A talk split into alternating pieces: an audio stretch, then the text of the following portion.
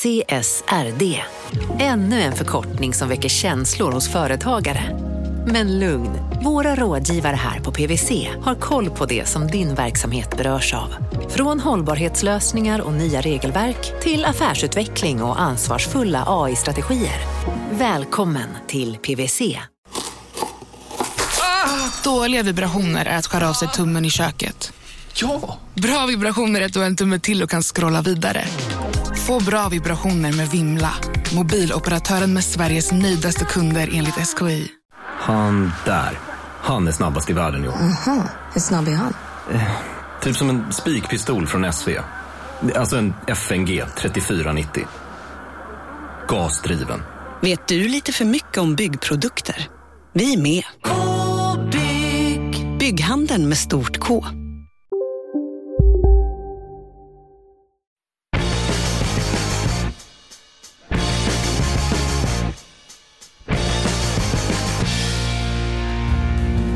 Mark i metaverse såld för 20 miljoner kronor. Är bitcoin världens effektivaste värdeöverföring och dessutom börsexpertens bästa tradingstrategier och mycket mer. Mina vänner, det här är De kallar oss krypto. Jag heter Mårten Andersson och är eh, kryptoentusiast.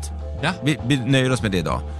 Okej. Vi behöver alltid säga vad jag gör och, och, utöver det. Eh, Jag är pappa utöver det faktiskt. Eh, Och vid min sida ekonomijournalisten Gunnar Harrius. Hej. Hej. Känd från Briljanta kapitalet. Lyssna på den om ni vill eh, fördjupa er i eh, makroekonomi, kan man säga det? Det kan man säga. Man kan också säga att jag är barnlös om jag nu skulle liksom vara på samma spår på att man bara ska få lite olika fakta om mig. Det låter så deppigt bara. Barnlös. Frivilligt barnlös. Något då. fattas dig. Ja, ja, eller inte. Nej, Ja. kanske inte. Det beror på hur man ser det. Eh, Det beror på hur man ser det. Lite som, du kom hit lite förkrossad. men Efter den här brottningsmatchen idag, nu när det är så här 27 minus i Stockholm och man ska på med liksom underställ och eh, all, det är alltså tror jag, 40 lager kläder och sen så bara, jag måste kissa. Bara, men du skojar med mig.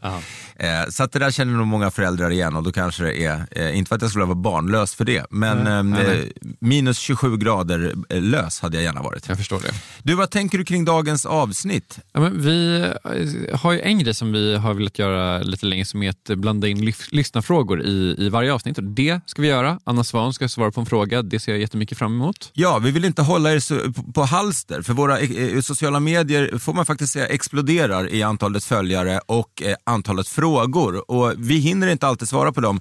Eh, och då vill vi att ni ringer in dem på vår telefonsvarare 010-750 0981. Snyggt! 010 750 0981 och då svarar då våra två orakel på det här, Anna Svan och Vahid Tosi. Och från och med idag då så kommer det här ske i varje avsnitt att vi har som ambition att putsa ut lite olika frågor. Precis, eh, så att, eh, det ska bli skitkul att höra.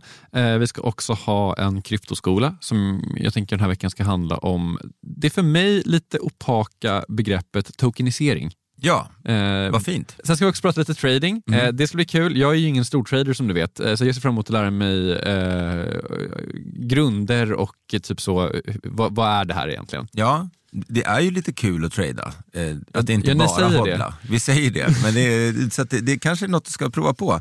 Som ny, något nyårslöfte, att börja trada lite mer aktivt. Jag är på jättebra humör. Eh, nytt all time high för Luna.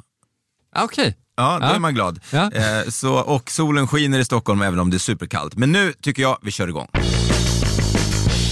Mårten, jag fattar mig kort. Nyhetssvep. Virtuellt land i kryptometaverset Decentraland har sålts för 2,43 miljoner dollar eller ungefär 20 miljoner svenska kronor. Decentraland är en VR-plattform som består av drygt 90 000 tomter som representeras av NFT-er. Även andra NFT-er som kläder, konst och hus finns i det här metaverset där en bit land då nu har sålts för 618 000 mana, kryptovalutan som används i Decentraland. Köparen är NFT-bolaget Metaverse Group som ska använda den digitala landytan för att ha visningar för digitalt mode. Bitcoins pengaöverföring blir allt effektivare. För varje dollar som går åt i avgifter överförs i snitt bitcoin till ett värde av 95 000 dollar på bitcoin-nätverket, vilket gör det till världens effektivaste värdeöverföringssystem enligt Cointelegraph. Medianöverföringen är på 754 dollar per 100 cent i avgift. Den amerikanska storbanken Citigroup satsar hårt på krypto. Finansnyhetsjätten Bloomberg rapporterade i veckan att banken ska starta en kryptoavdelning med 100 nyanställda. Tidigare i år har både Goldman Sachs och JP Morgan gett sina kunder möjligheter att investera i krypto. Exakt vilka tjänster som Citi kommer att erbjuda är ännu inte offentligt. Under Black Friday köpte El Salvador 100 nya bitcoins till ett värde av 5 miljoner dollar.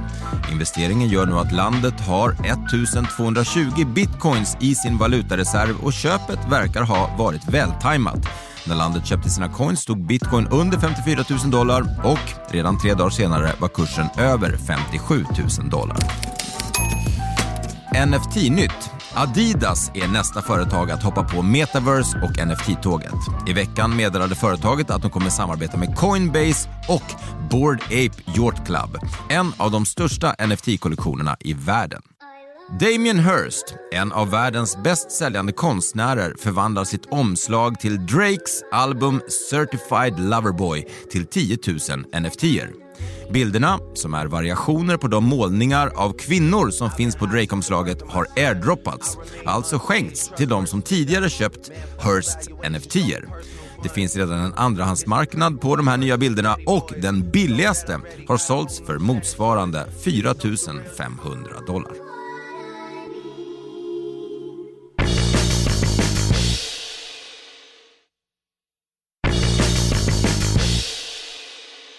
Nej, men nu är det väl ändå så att det är dags för eh, vår gäst. Hon är tradingexperten som gjort sig ett namn på forum och på Twitter och nu ska hon ge oss sina bästa tips för succé när det kommer till just trading. Vi säger varmt välkommen till Rebecca Allen. Tack snälla. Det är jätteroligt att vara här. Det, ett väldigt amer amerikanskt klingande namn. Eh, ja, faktiskt. Eh, Allen är amerikansk. Jag är född i USA, flyttade därifrån med min mamma när jag var fem år. Och sen eh, bott lite här och var. Finland, Norge, Sverige, Israel, Sydafrika. Shit. Oj. En Ingen omikron fanns då. Nej, det var ju tur det, för annars hade det varit, man hade vetat vem det var som hade smittat alla. Superspridare. Men du, varmt välkommen hit. Hur, hur, hur är läget? Jättebra. Svinkallt i Stockholm idag, men eh, Lite kallt på börserna också utan att försöka göra någon ordvits här. Eh, apropå just omikron, alltså jag har inte ens lärt mig vad den heter för jag tror att nu är det slut. Det här är den sista. Det här var inte sättet jag tänkte att jag skulle lära mig det grekiska alfabetet på. Nej, nej eh, kolla du är, du är lärd Ja. eh, till skillnad från mig. Men, men eh, ja, nej, det, var, det är väl så det heter ungefär. Ja, men det jag vill inne på att just nu eh, så ska det bli extra kul att höra också hur man tradar som expert när eh, saker och ting kanske inte bara går uppåt. Eh, för det har ju varit lite tuffa dagar för bitcoin, den står just nu i 56 400. Det blev just en rekyl då på grund av den här, bland annat tror vi ju, eh, nya eh, covid-varianten. Mm. Men, men innan vi kommer till, till det och, och mycket annat också, jag tänkte lite, hur, hur ser din bakgrund ut? Hur blir man, liksom, ehm, eh, nu presenterar vi som tradingexpert och vi såg att du eh, satt och vred lite på dig när, när vi sa det ordet, men, men hur blir man en tradingexpert? Ja, det kan man ju undra. Jag kallar inte mig själv expert såklart, men ehm, jag har väl haft en eh, ganska blandad arbetslivserfarenhet, jobbat med massa olika ehm, arbetsgivare, jobbat mycket med social innovation, samhällsentreprenörskap. Efter ett tag så började jag applicera den kunskapen på börsen. Det var en helt ny värld för mig. Det var 2018 och upptäckte att um, jag hade en förmåga att eh, hitta de här framtidsbolagen. Um, och det, på den vägen är det att jag klev in på börsen och ehm, kunde ingenting om börsen. Ingenting. Gjorde massa misstag, ehm, men eh, var duktig på att hitta framtidsbolag, hitta eh, the next thing. Liksom. Det du tog med dig då från tidigare arbetslivserfarenheter, eh, hur exakt eh, konkret applicerade du det på börsen? Titta på trender, tendenser. Vad är det som trendar i samhället? Omvärldsbevakning. Vilka bolag är det som eh, ligger i framkant, som är tidigt ute? Nya affärsidéer. Och eh, det jag också tog med mig var att eh, hur granskar man ett bolag? Hur hittar man bra bolag? Eh, och då gäller det att också titta på vilka personerna bakom. Vilken är ledningen, styrelsen? Eh, vilka investerar i de här bolagen? Och eh, vad är deras affärsidé? Mm. Vi, vi, kanske ska säga det att eh, det som har varit tanken med det här avsnittet hela tiden har varit att eh, vi ska liksom tänka vad kan man lära sig av eh, börsstrategier och börstrading och vad kan man tillämpa på, på krypto och vad kan man kanske inte tillämpa på krypto och, och, och, och sådär. Så det, det, är ju på börsen som din expertis, om vi nu får slänga oss med det ordet ändå, finns. Precis. Man kan ju se Eh, mycket kopplingar.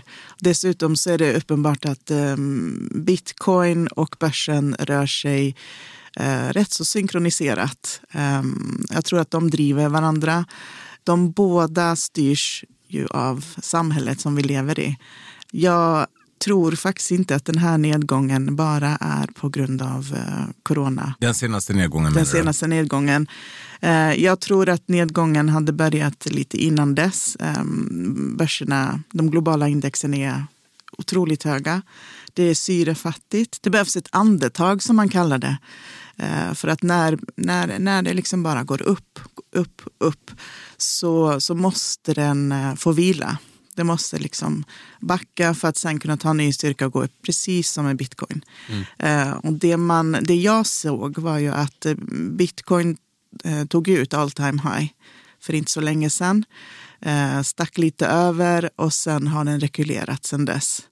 Och sen så kommer den nog vända uppåt och ta ut den, den toppen igen, tror jag, innan årsskiftet. Men vi får se. Um, den här senaste omikron gav väl styrka och snabbhet i nedgången till andetaget. I samband med att vi kommer till slutet på november och går in i december så är det också ett skifte på börsen. Mm. Och eh, det är ofta nedgång till slutet på november och sen så eh, tar det ett nytt tag och går uppåt i, i december. Så vi får se du, du pratar nästan om, om börsen och de här kurserna som om det är en, en levande organism som andas då i det här fallet. Är det så du tänker på, på det här som någonting som, som man måste få näring och som kan dö? Och, alltså, eller, eller överdriver jag metaforen? Nej, det är nog så. Um, både i um, bitcoin och globala index och i enskilda um, bolag. Så um, det kan inte bara gå upp, upp, upp.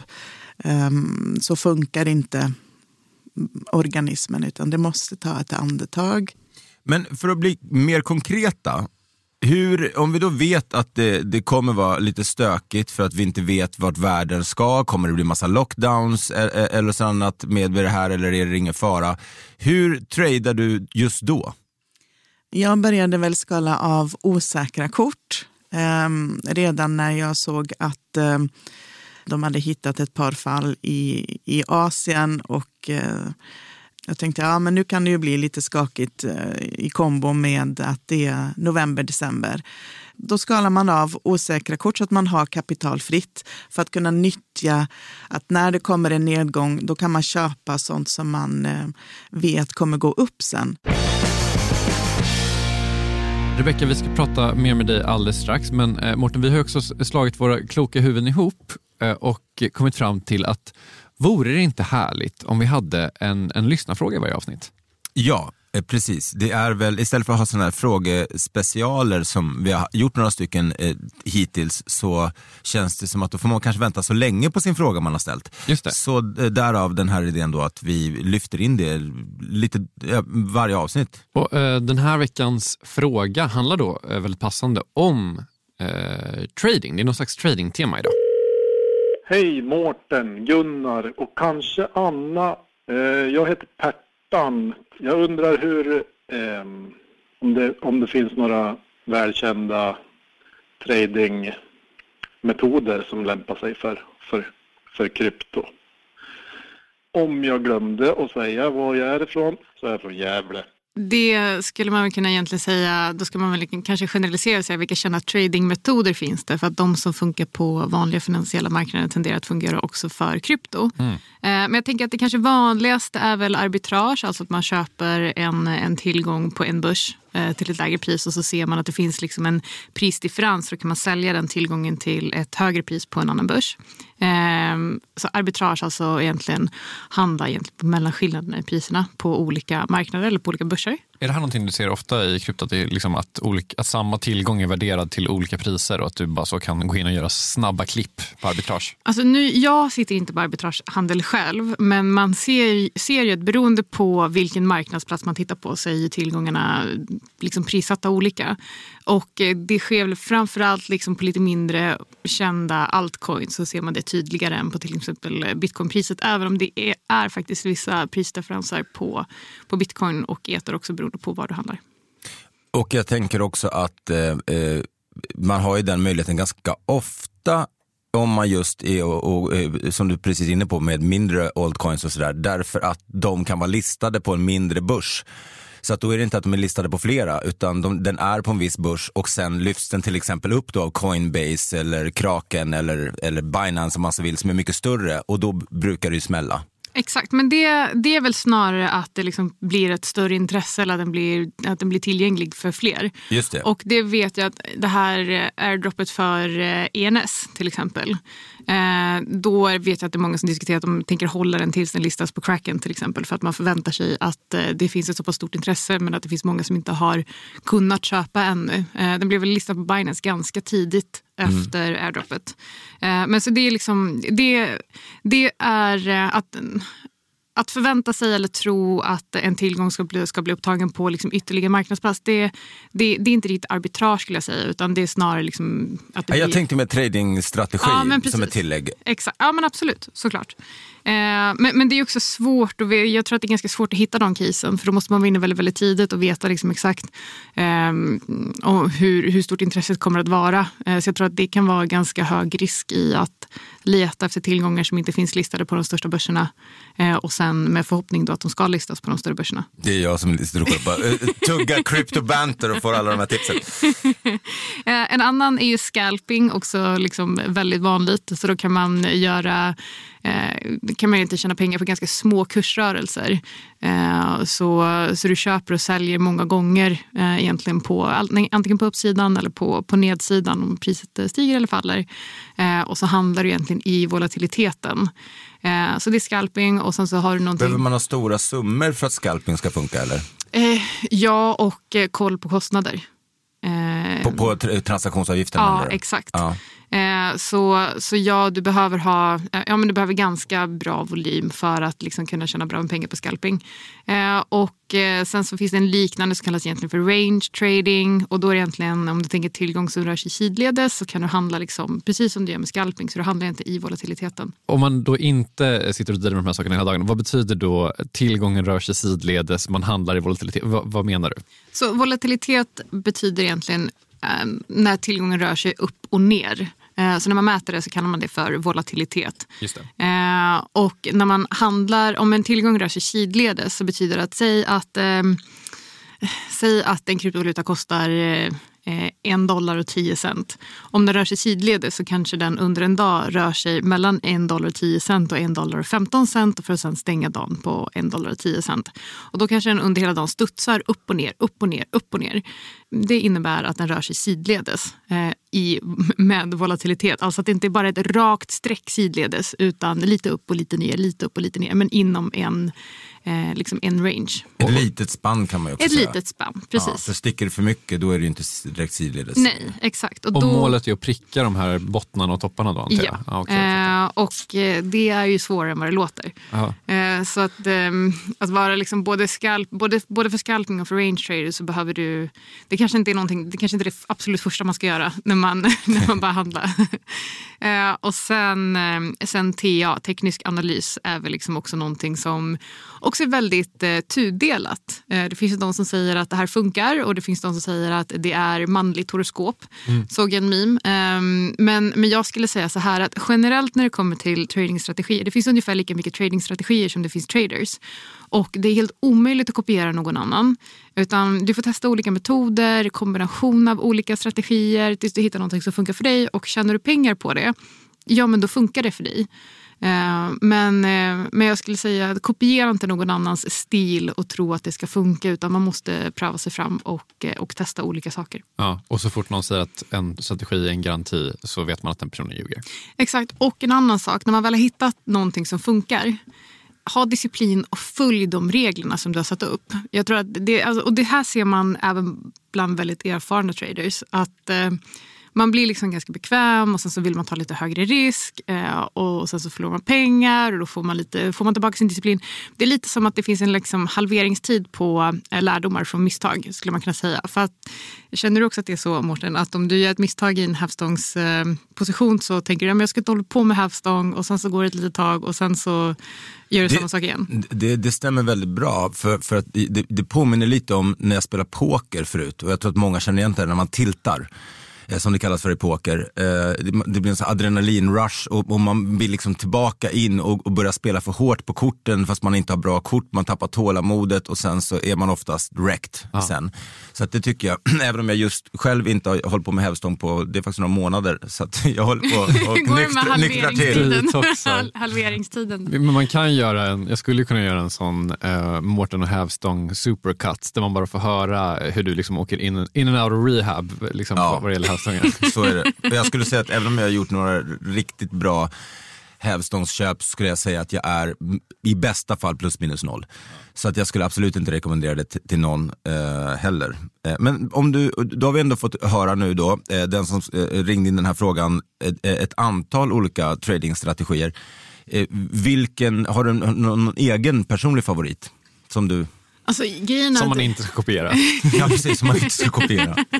alltså, jag säger ibland att jag inte tradar så mycket, men eh, jag tradar lite grann. Eh, inte så mycket i krypto faktiskt, men, men i fonden så gör jag det. Men det är liksom på ett helt annat sätt och det är mer om jag ser överreaktioner i priset. Eh, så man tittar på, när vi spelar in det här är den 29 november, så i fredags eh, så blev liksom hela världen jätterädd för den här nya virusvarianten. Eh, och då föll priset på diverse tillgångar jättemycket. Till exempel på olja så föll priset 13 procent. Och det här är väldigt klassiskt i framförallt råvaror, för råvaror är väldigt volatila, alltså de tenderar att svänga ganska mycket upp och ner. Och ehm, just den här typen av händelser så är det ganska... Det, det, i de allra flesta fall efter ett sånt nedställ på en sån här kortsiktig eh, eh kortsiktig situation som, eh, som skapar en överreaktion i marknaden så skapar det liksom väldigt bra köp och säljlägen. Eh, så då köpte jag olja och ehm, på, på botten köpte jag på botten och sen så nu idag efter helgen så sålde jag när oljepriset eh, såklart igen hade dragit upp 5 eh, Så att jag skulle säga att jag, ehm, de gånger som jag handlar mer aktivt så är det att jag handlar på egentligen överreaktioner i, i marknaden. Men det är ett sätt som funkar, som funkar på mig och något som, någonting som jag har arbetat fram. Och man behöver liksom ha ganska bra koll på vad som påverka de olika tillgångarna för att också kunna lyckas med den här strategin. Så det är ingenting som jag gör i krypto så mycket mer om det liksom om jag ser att men det här, okay, men kanske den här vi, vi, nya virusvarianten och allting faller för att sentimentet på marknaden generellt blir mer risk-off så tenderar det att bli liksom en kortsiktig överreaktion på nedsidan och då finns det ganska bra köplägen kortsiktigt som man kan köpa och sen kan man sälja igen när det stöter upp.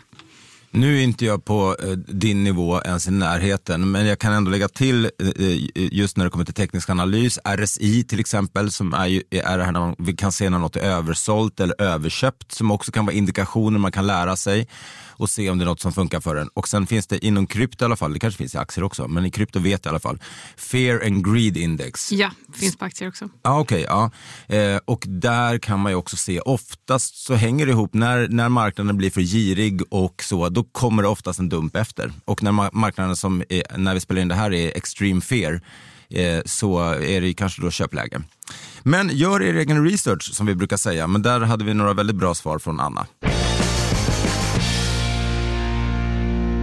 Anna Svan alltså med sin take på trading. Nu eh, är vi tillbaka i studion med Rebecka. Eh, och Mårten, du hade en fråga. Jag skulle vilja veta lite grann eh, hur du också rent praktiskt gör det här. Alltså för att jag eh, är ju återigen med i lite olika tradinggrupper och en av de killarna som eh, jag följer är extremt duktig och han pratar ju liksom om, oavsett om du jobbar med whiteboards eller du har tre skärmar eller du tar anteckningar, du har i din olika kalendrar där det står när nyheterna släpps. Alltså han har mer eller mindre då som ett helt kontor som är dedikerat till krypto och trading. Eh, hur jobbar du och vad tänker du när du hör det? Jag jobbar med flera olika verktyg. Jag har um, omvärldsbevakning, jätteviktigt, så att jag har olika källor som jag följer. Uh, och det är ju i princip dygnet runt förutom när jag sover. Mm. Um, har olika tjänster som jag prenumererar på som ger mig de nyheterna pusha det till mobilen. Um, jag har en dataskärm, behövs inget mer.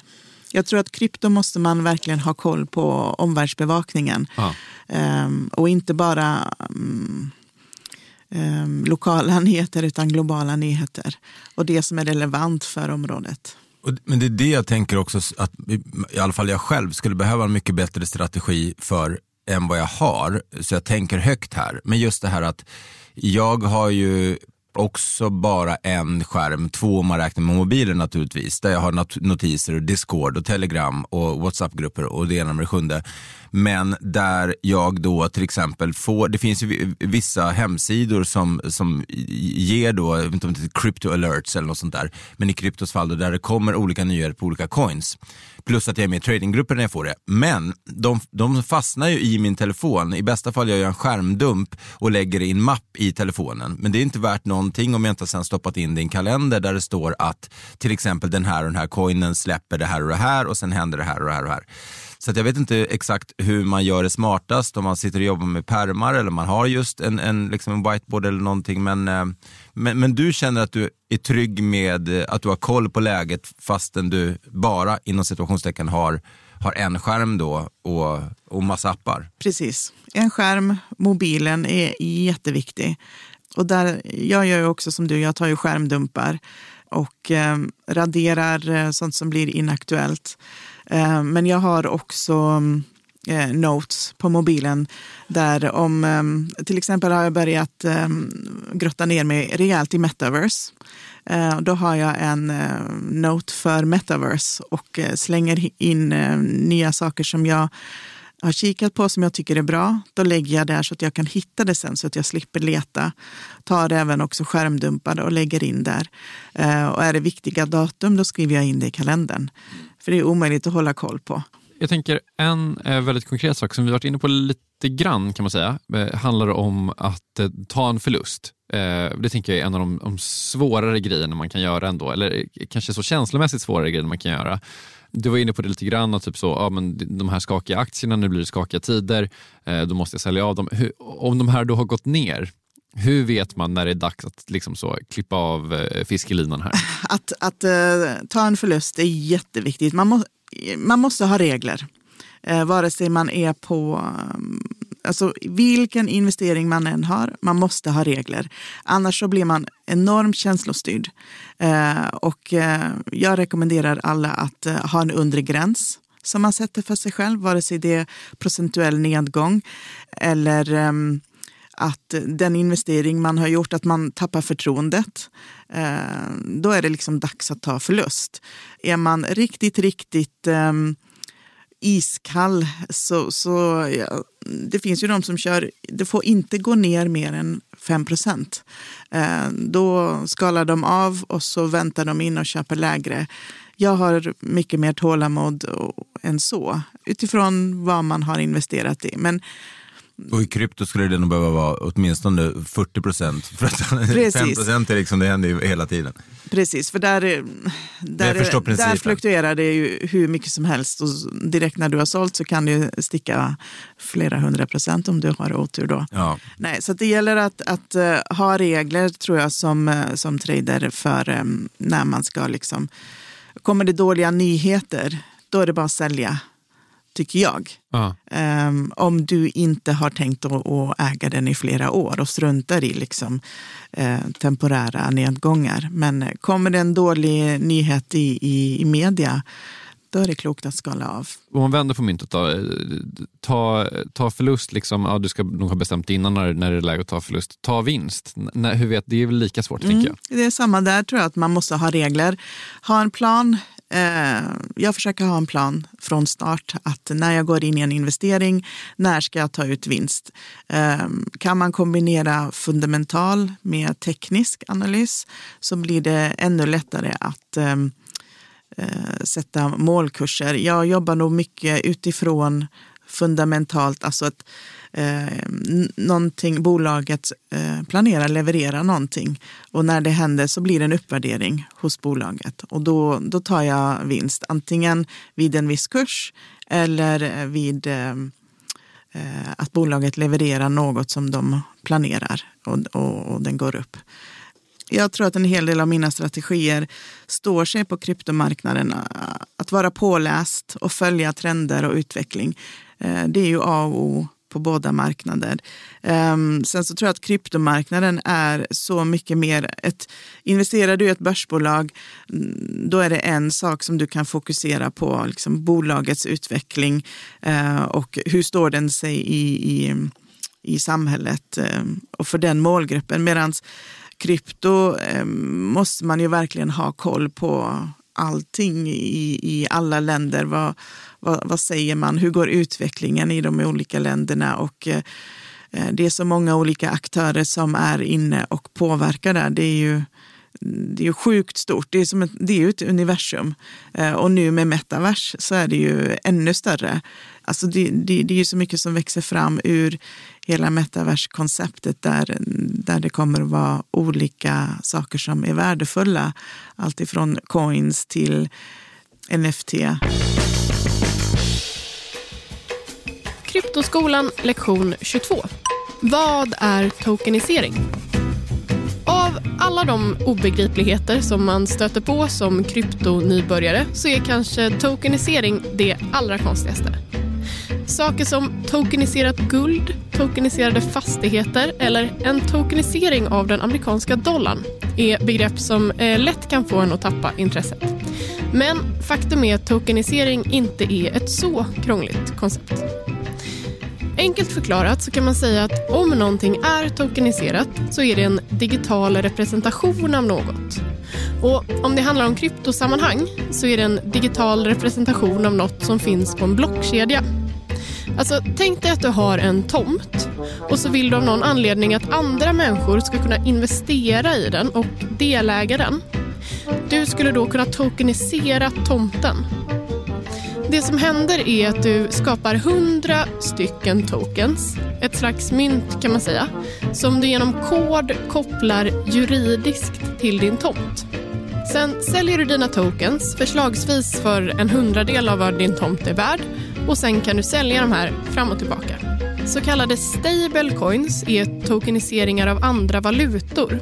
USDT till exempel är en representation av dollar Tanken är att man ska kunna byta in varje coin mot en dollar. Och företaget bakom USDT lovar att det alltid ska finnas en dollar att byta din coin mot.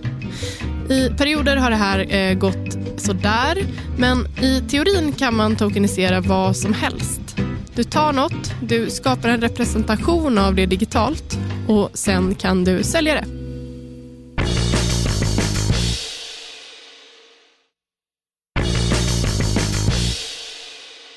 Ska vi avsluta med några snabba så dos and don'ts? Finns det några sådana?